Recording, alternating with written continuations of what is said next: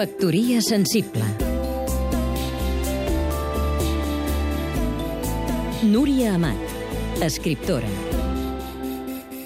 La primera escriptora moderna del segle XIX, Charlotte Brontë, sabia que la condició del novel·lista exigeix un caminar invisible. He escrit un llibre, va anunciar la Brontë al seu pare. De debò, estimada? va dir, i va seguir llegint. És que m'agradaria que ho llegissis, va insistir la pobra filla.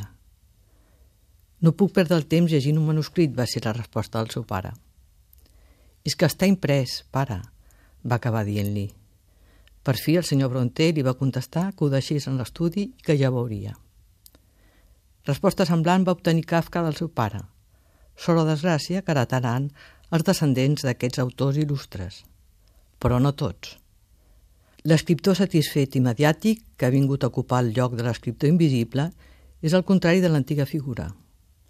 Hàbil per a la vida, desembolicat, carismàtic i televisiu, i amb gran poder de seducció i decisió. Tots tracten d'imitar-lo. Ho aconsegueixen molts. Aviat ja no veurem pel carrer més que escriptors i donarà un treball feixuc trobar una dona o bé un home. Factoria sensible